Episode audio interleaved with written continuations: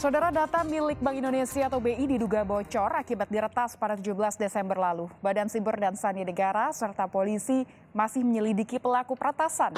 Bank Indonesia menyadari adanya upaya pertasan berupa ransomware dan itu juga menyadarkan kami bahwa uh, cyber attack atau bahkan cyber crime ini nyata.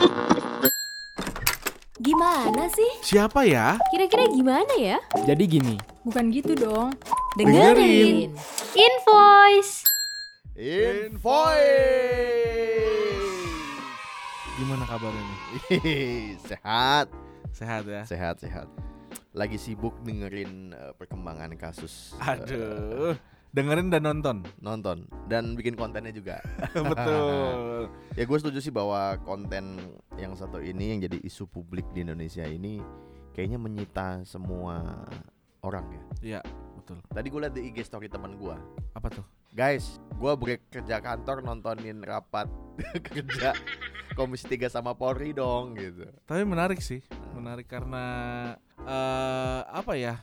Karena DPR juga mewakili rakyat. Jadi ada suara-suara yang setidaknya mewakili perasaan-perasaan yang kita. ke ya ke ke kita yang selama ini mungkin kok nggak diungkap gitu. Nah. harapannya terkuap di uh, DPR karena semuanya tuh harus transparan Betul. harus terbuka Betul. harus dibuka seluas-luasnya Mm-mm. meskipun nggak semuanya harus dibuka ada rahasianya juga Iya, salah satunya yang harus disimpan dengan baik adalah data pribadi. aduh rahasia itu kan Betul. Aw, aw, aw, aw. Tapi ngomong-ngomong, gue lagi pengen beli gadget baru nih mas ya. Pengen beli macam-macam lah. Ini itu pokoknya biar praktis, terus juga nggak gaptek. ini lu ngomong dalam rangka hari gajian atau gimana Belum, belum, belum gajian. udah gajian dong tayangnya ini Oh iya bener, udah gajian. nggak apa-apa sih nang lu mau beli nggak apa-apa apalagi kalau teknologi sekarang tuh makin cepet canggih Betul. ya kayak bayangin deh kita mau beli satu seri eh, gawai tertentu HP tertentu tiga bulan udah ada seri barunya lagi Benar. Apalagi ya mungkin gua ngerti ya apakah itulah eh, yang namanya kemajuan teknologi apa namanya Internet of Things cloud computing apa Ya. yang benar gitu ya benar Cloud kan? computing bener. cloud computing terus eh, AI terus Ya. sampai jaringan 5G itu yang menurut gua mungkin sekarang sangat membantu kehidupan kita Betul banget. Jadi pertimbangan juga buat kita kita nih beli gadget ataupun eh, produk turunannya ya yang makin canggih. tapi pada saatnya dulu tuh gue pernah beli gadget yang penting kameranya bagus Atau yang penting bisa BBM. nah itu itu zaman dulu BlackBerry dong ya Iya, tapi nggak kalau soal kecanggihan ya kita ngomong kecanggihan ini sebenarnya apa ya bukan pinang di belah kampak tapi bagaikan pedang bermata dua nih. Betul. Makin Kalau- canggih benar makin canggih pastinya harusnya ada resiko ad- juga. risiko karena ada ada apa ada sebuah slogan yang menyatakan gini teknologi menjauhkan yang dekat mendekatkan yang jauh Betul. nah risiko-risiko ini adalah kayaknya yang belum kita pahami ketika itu di dunia nyata dan sekarang karena kita masuk dalam dunia digital itu ada semuanya tuh betul. terutama seperti yang lu sampaikan soal data pribadi Apalagi baru-baru ini kertasan atau keamanan data pribadi itu kayaknya makin santer terancam diberitakan. terancam Betul. jadi kita mulai khawatir apakah data pribadi kita bocor sedikit-sedikit atau sudah ngembiak Ke mana? gitu Udah semuanya bleber. Udah semuanya bleber. Tapi gini, kalau gue lihat di pemberitaan ya, pada awal tahun ini Mhm. sebenarnya Indonesia sempat gempar karena ada data Bank Indonesia yang Waduh. dihack oleh geng eh, ransomware yang bernama Conti nih. Jumlah kebocoran datanya itu sampai 74 GB. Waduh. Berarti satu hard disk 74 ya. Satu hard bisa disk. di satu hard disk. Masalahnya 74 giga kalau datanya berupa tulisan doang. Ini berapa ratus ribu? Betul. Berapa skripsi ya di dalamnya Iya, ya. makanya. Terus lanjut itu baru awal tahun ya. itu Heeh. bulan kedua eh Badan Cyber dan Sandi Nasional BSSN harusnya lembaga yang eh, keamanan cybernya paling Harusnya, wahid ya. harusnya. Tapi dibobol juga. Alhasil data yang ada dalam situs itu eh, terutama di situs jaringan dokumentasi dan informasi hukum terpampang nyata di deep web gitu ya. Deep web. Nah, tapi eh, apa ya? nggak sampai di situ aja nah Ada lagi? ada lagi masih banyak nih ini gue bacain atu-atu nih karena tim riset gue jago banget Wih, mantap. Mantap. Jadi Dirjen Pajak juga pernah, BPJS Kesehatan pernah, Heeh. situs Polri juga kena. Heeh.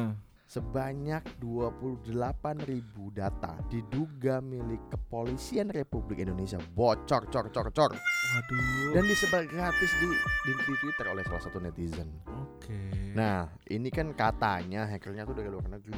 Dia dia juga yang ngebobol oh. Katanya. Katanya masih sama. Benar. Tapi kalau ngomongin data pribadi yang dibobol itu kan kayaknya nama ya. Ya, Karena ya, ya. konteksnya mungkin pejabat ataupun tadi Polri itu ada pangkat, satuan Betul. kerja, jabatan, agama, golongan darah. Waduh, banyak banget tuh. Kalau yang terbaru lu pasti denger dong. Betul. Apa tuh? Ada PLN dan juga IndiHome. Wih. Katanya datanya juga bocor data pelanggannya.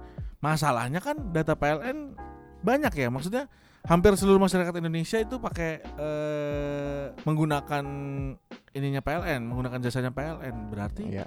hampir seluruh Indonesia datanya bocor nih. Lebih dari 17 juta data pelanggan PLN diduga bocor pada Jumat 19 Agustus masih baru banget nih, masih seger banget. Ya kalau total total kalau nggak salah tuh total eh, pelanggannya PLN aja sekitar 70 atau 80 juta gitu. Gua nggak nggak lupa Hmm, angka pasti hmm. tapi di angka itu. Jadi kalau sekitar Berarti 17 sekitar juta data 15 pe- eh, PLN, 10 persen Iya. ya. iya ya, 9 sampai 10 ah, Hmm. lebih ya. 12 persen, 13 persen kali ya. Terus juga beberapa data PLN yang eh, kesebar itu ada ID lapangan, ID pelanggan, nama pelanggan, tipe energi, KWH, alamat rumah, nomor meteran, tipe meteran hingga nama unit UPI. Jadi lu tau nggak? Jadi yang ngambil datanya itu dia tahu loh. Ini si Ganang bayarnya nunggaknya tanggal berapa nih? Lu bayarnya Per bulan pakai listrik berapa watt Bener, gitu ya. bener. Ketahuan ini. Ketahuan ada elektroniknya apa aja. Bener ya minimal kalau dari konsumsinya misalkan lu di 900, di 1300, di 2200 atau sebagainya kan udah tahu tuh. Iya. Jadi kan Pompa konsumsi air, ya. AC, Tapi kan itu kebiasaan-kebiasaan gitu ya. sempat sempat disangkal juga sama pihak. Betul. Terus kalau Intercom gimana tuh? Terus juga setelahnya nih sekitar 26 juta data histori penelusuran atau browsing dari browser pelanggan IndiHome bocor termasuk KTP Data browsing. data browsing dari browser. Wow. Iya. Berarti Kalau lu browsing dari Google Chrome misalkan itu bisa Iya. bocor semua. Hmm, hmm. Ada KTP, email, nomor ponsel, kata kunci ya kata kunci kan password kita nyimpen ya di Iya, browser ya. Iya betul. Terus domain, platform, URL Dan sekali lagi ini juga sudah dibantah. dibantah juga Oh, oleh pihak Telkom. Nah kalau kayak gini masalahnya gimana nang? Agusnya kalau yang nanya ya bukan gue ya kecepatan gue lagi Iya, ngomongnya. Tapi gini nang, kalau kalau kalau dari sisi komunikasi publik yang kita lihat eh, dari Mm-mm. Kementerian eh, Komunikasi dan Informatika ada tiga tuh biang keroknya nih atau penyebab utamanya. Apa tuh sebenarnya? Eh teknologinya nggak memadai. Oke. Ini diseb- dijelasin oleh eh, Dirjen Aplikasi Informatika eh, Pak Teguh tuh. Peretasan bisa terjadi karena perangkat lunak dan perangkat keras tidak sesuai standar. Kira gitu. Nah, yang kedua soal prosedur yang benar nih. Nah, ini prosedur mungkin dapurnya perusahaan ya yang tadi bocor Hmm, ya. hmm, hmm. Yang ketiga soal SDM. Nah, SDM berarti soal kemampuan, teknologi, proses sampai apalagi itu ya. Mungkin ya pemahaman juga ya. Karena Iya. peretasan bisa terjadi eh, dengan mengelabui itu. Sebelum Ya, diretas iya. saya sudah ada tindak kriminal, Betul. mengelabui. Betul betul betul.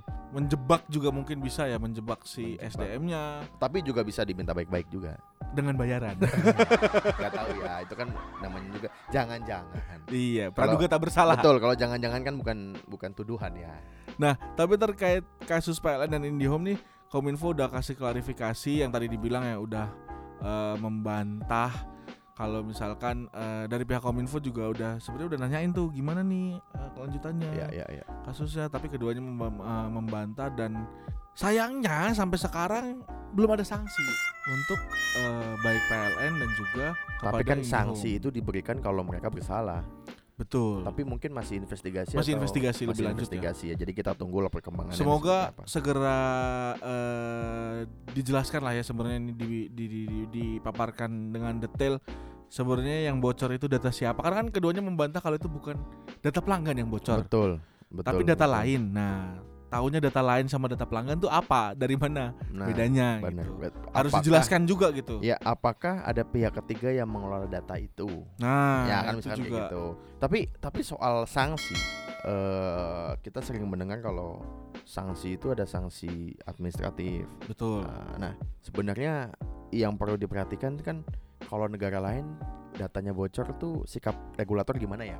Ya, ya. Ada di beberapa contoh di beberapa negara yang kayaknya sanksi eh, administratifnya ganti ruginya lumayan gede. Keras tuh. ya. Keras juga gitu. Tapi memang eh correct me when I'm wrong ya.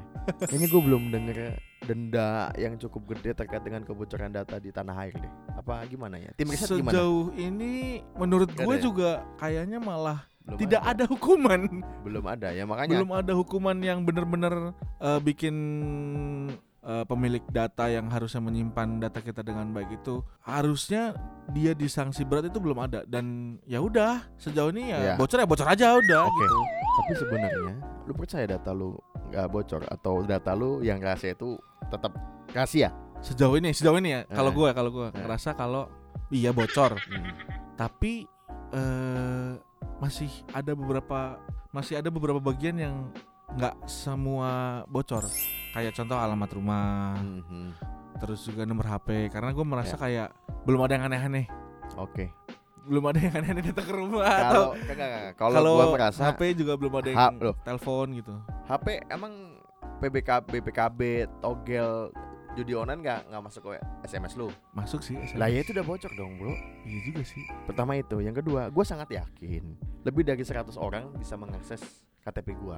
iya iya Ya, gue gua nggak tahu ya. Misalkan waktu waktu misalkan waktu pas pandemi ada minta foto iya iya disebarkan secara WA waktu itu misalkan gua covid ya. Terus misalkan tapi kan eh, di KTP lu tulisannya wartawan terus apa hubungannya? Nah, palingnya bikin jiper kalau mau disebarin Kalau di KTP gua nggak tulis wartawan dong. oh enggak ya Enggak dong. Pegawai swasta itu rumit kalau kita oh ngurus iya bener paspor dan iya teman-temannya. oh iya bener Enggak, tapi tapi enggak bukan itu, tapi data nik segala macam gue merasa kalau nik iya Sudah karena kan terbuka. kita swab segala betul. kasihnya nik terus apa tuh peduli lindungi itu, kan dia, waktu itu itu dia makanya sempat kan. diisuin bocor juga kan Lindungi, terus misalkan lu menggunakan jasa yang tadi lu bilang antigen itu tidak dalam satu vendor kan ya tempat ya, lain ya, ya. Banyak hal lah ya. Terus misalkan eh meskipun banyak eh, privacy policy yang namanya yang kita bilang akan melindungi segala macam tetapi kan tahu-tahu ada yang ngasih Iya. iklan terus yang lu bilang kayak yang kita sekarang banyak paham banget bahwa eh apalagi soal penyesuaian cookies gitu kan. Betul. Nah hal-hal kayak gitu eh, semakin yakin gue mungkin kalau misalkan 1 sampai 100% data gue yang masih lu bilang apa private itu iya mungkin cuma 30 atau 40 persen deh. Kalau gua paling ya. paling ya iya paling cuman alamat doang sih kalau menurut gue yang masih aman karena orang pasti mikir ngapain alamat jumlah tai penting lalat gitu. di punggung lu mungkin nggak bisa diakses orang Eh, lain. betul siapa yang mau Iya. Tapi kan terlepas dari itu semua, tapi ujung-ujungnya data itu ibarat kata nih kayak dulu kita kembali waktu sekolah ataupun Mm-mm, kita penelitian.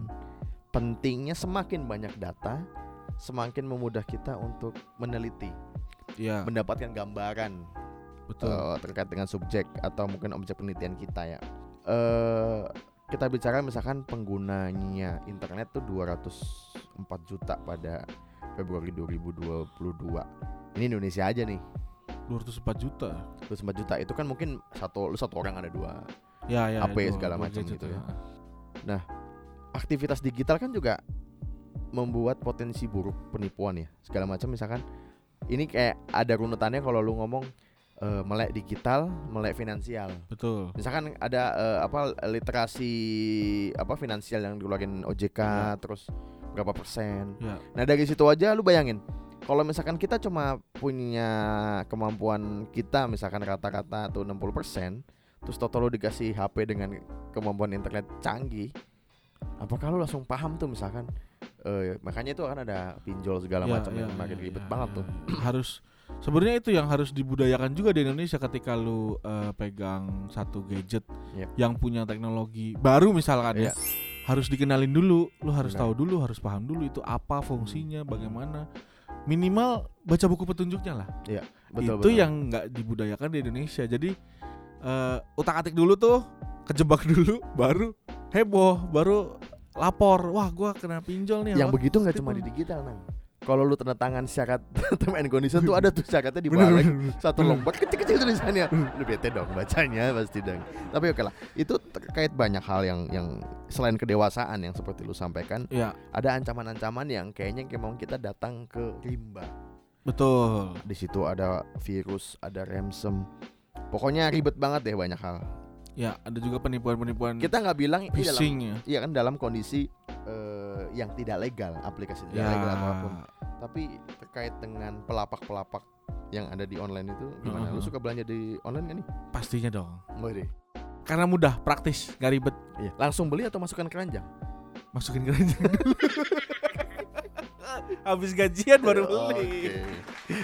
Nah, tapi kan kalau belanja online emang eh, yang kita tahu ya emang memudahkan untuk baik eh, belanjanya gampang, terus juga kita nggak perlu datang ke toko, barangnya udah langsung nyampe di rumah gitu kan. Terus juga ngemat waktu, menghemat biaya.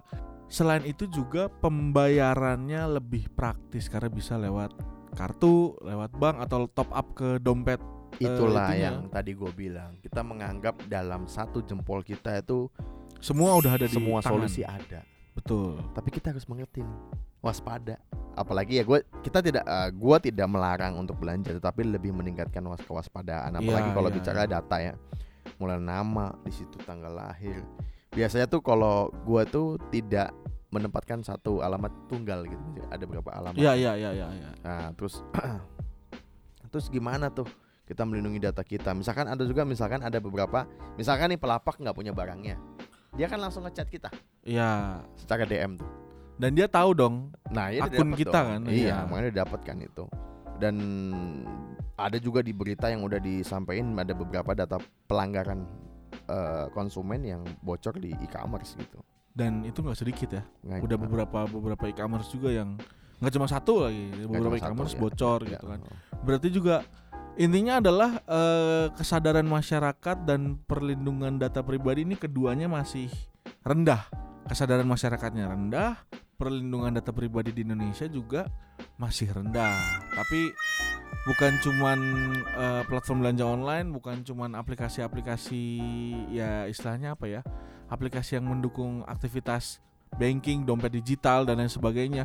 Tapi juga eh, media sosial yang harus kita pahamin juga ternyata di media sosial juga bisa bikin data bocor karena banyak juga orang-orang yang tanpa sadar kayak ngunggah KTP, ngunggah kan dulu sempat ada tuh tren foto KTP Ya sampai sekarang lah. pada ikut-ikutan orang dulu lah sampai sekarang. sampai sekarang malah Ada kan yang filter itu filter kan bener kan ya? itu filter filter, Filter kan. nah. Tapi makanya sih kan gue akan concern ke masalah sanksi. nah Nah itu Betul. kan Kementerian Kominfo tuh katanya sih sekarang sedang menggodok eh, payung hukum soal perlindungan data pribadi ini. Ini masih banyak banget eh, diskusi publik yang kayaknya masih berseliweran soal eh, RUU ini. Eh, sesuai dengan eh, apa namanya penerapan kebijakan-kebijakan lain ataupun payung hukum yang lain bahwa eh, undang-undang masih datangnya belakangan. Ya ya kan? Tetapi nah ini kan berproses kan. Nih mungkin melihat kalau gue sih melihat memang kita perlu salah satu yang prioritas data pribadi nih. Betul betul betul. Ini penting banget soal meskipun bicara iktp sudah sejak tahun 2000 berapa itu? 2011 2012 sih ya gue dapetnya 2012 itu kan. Ah, 10 tahun yang lalu. Tapi isunya saya udah ngerasain nih kayaknya kok penting banget untuk segera diregulasi. Betul. Nah ini gua mengutip dari salah satu peneliti keamanan cyber eh, dari Communication Information System Security Research Center eh, Pratama Prasada menyebutkan bahwa Kominfo itu harusnya fokus menyelesaikan RUU perlindungan data pribadi bersama eh, DPR dibandingkan dengan membuat mekanisme denda. Pasalnya UU tersebut sudah memuat denda pidana. Ya memang mungkin di UU-nya nggak ada dendanya tapi di PP ataupun di undang-undang Ya. peraturan turunan Turunannya. itu ada ya di situ. Nah, eh, emang ya pembahasan soal RUU perlindungan data pribadi ini sampai sekarang masih berlangsung dan belum selesai.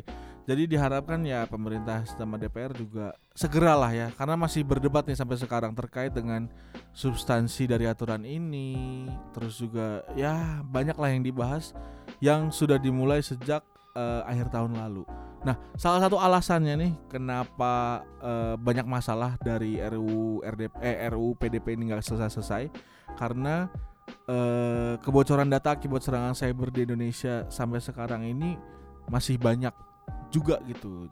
Sampai 239,74 juta serangan di 2021 banyak banget ya 39 juta. Banyak weh. Nah, salah satu alasan kenapa eh, RUU PDP ini penting itu tuh karena banyak kebocoran data akibat serangan siber di Indonesia baru-baru ini karena di 2021 aja jumlah serangan siber di Indonesia mencapai 239,74 juta serangan. Uh, banyak ya.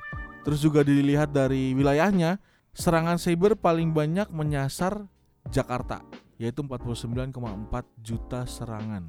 Ini ini ya mungkin serangan itu juga akhirnya sehari itu traffic digital di Ja- eh, Jakarta, atau Jakarta mungkin aja gua ya? buka Hmm. buka di Pulau Jawa aja mungkin ya sama seperti populasi penduduk kita nggak nih kayak, misalkan kalau sama ya mungkin make sense banget tuh kalau misalkan banyak serangannya di Jakarta. Ya, Nah kan itu kan sama kayak di mana pusat server di Indonesia kan ya. ada beberapa lokasi tapi kayaknya mungkin paling banyak di Jakarta ya. Ya, dari mungkin dari sosial media aja ibaratnya sat- satu orang udah pegang satu gadget terus dia posting satu sosmed di setiap harinya udah berapa sendiri tuh penduduk Jakarta aja. Iya, iya. iya. Jadi kan udah ketahuan tuh. Jadi sebegitu banyaknya tuh aktivitas digital di Jakarta aja. Lah terus kalau masih digodok terus sekarang data bocor gimana nanganinnya? Pasrah.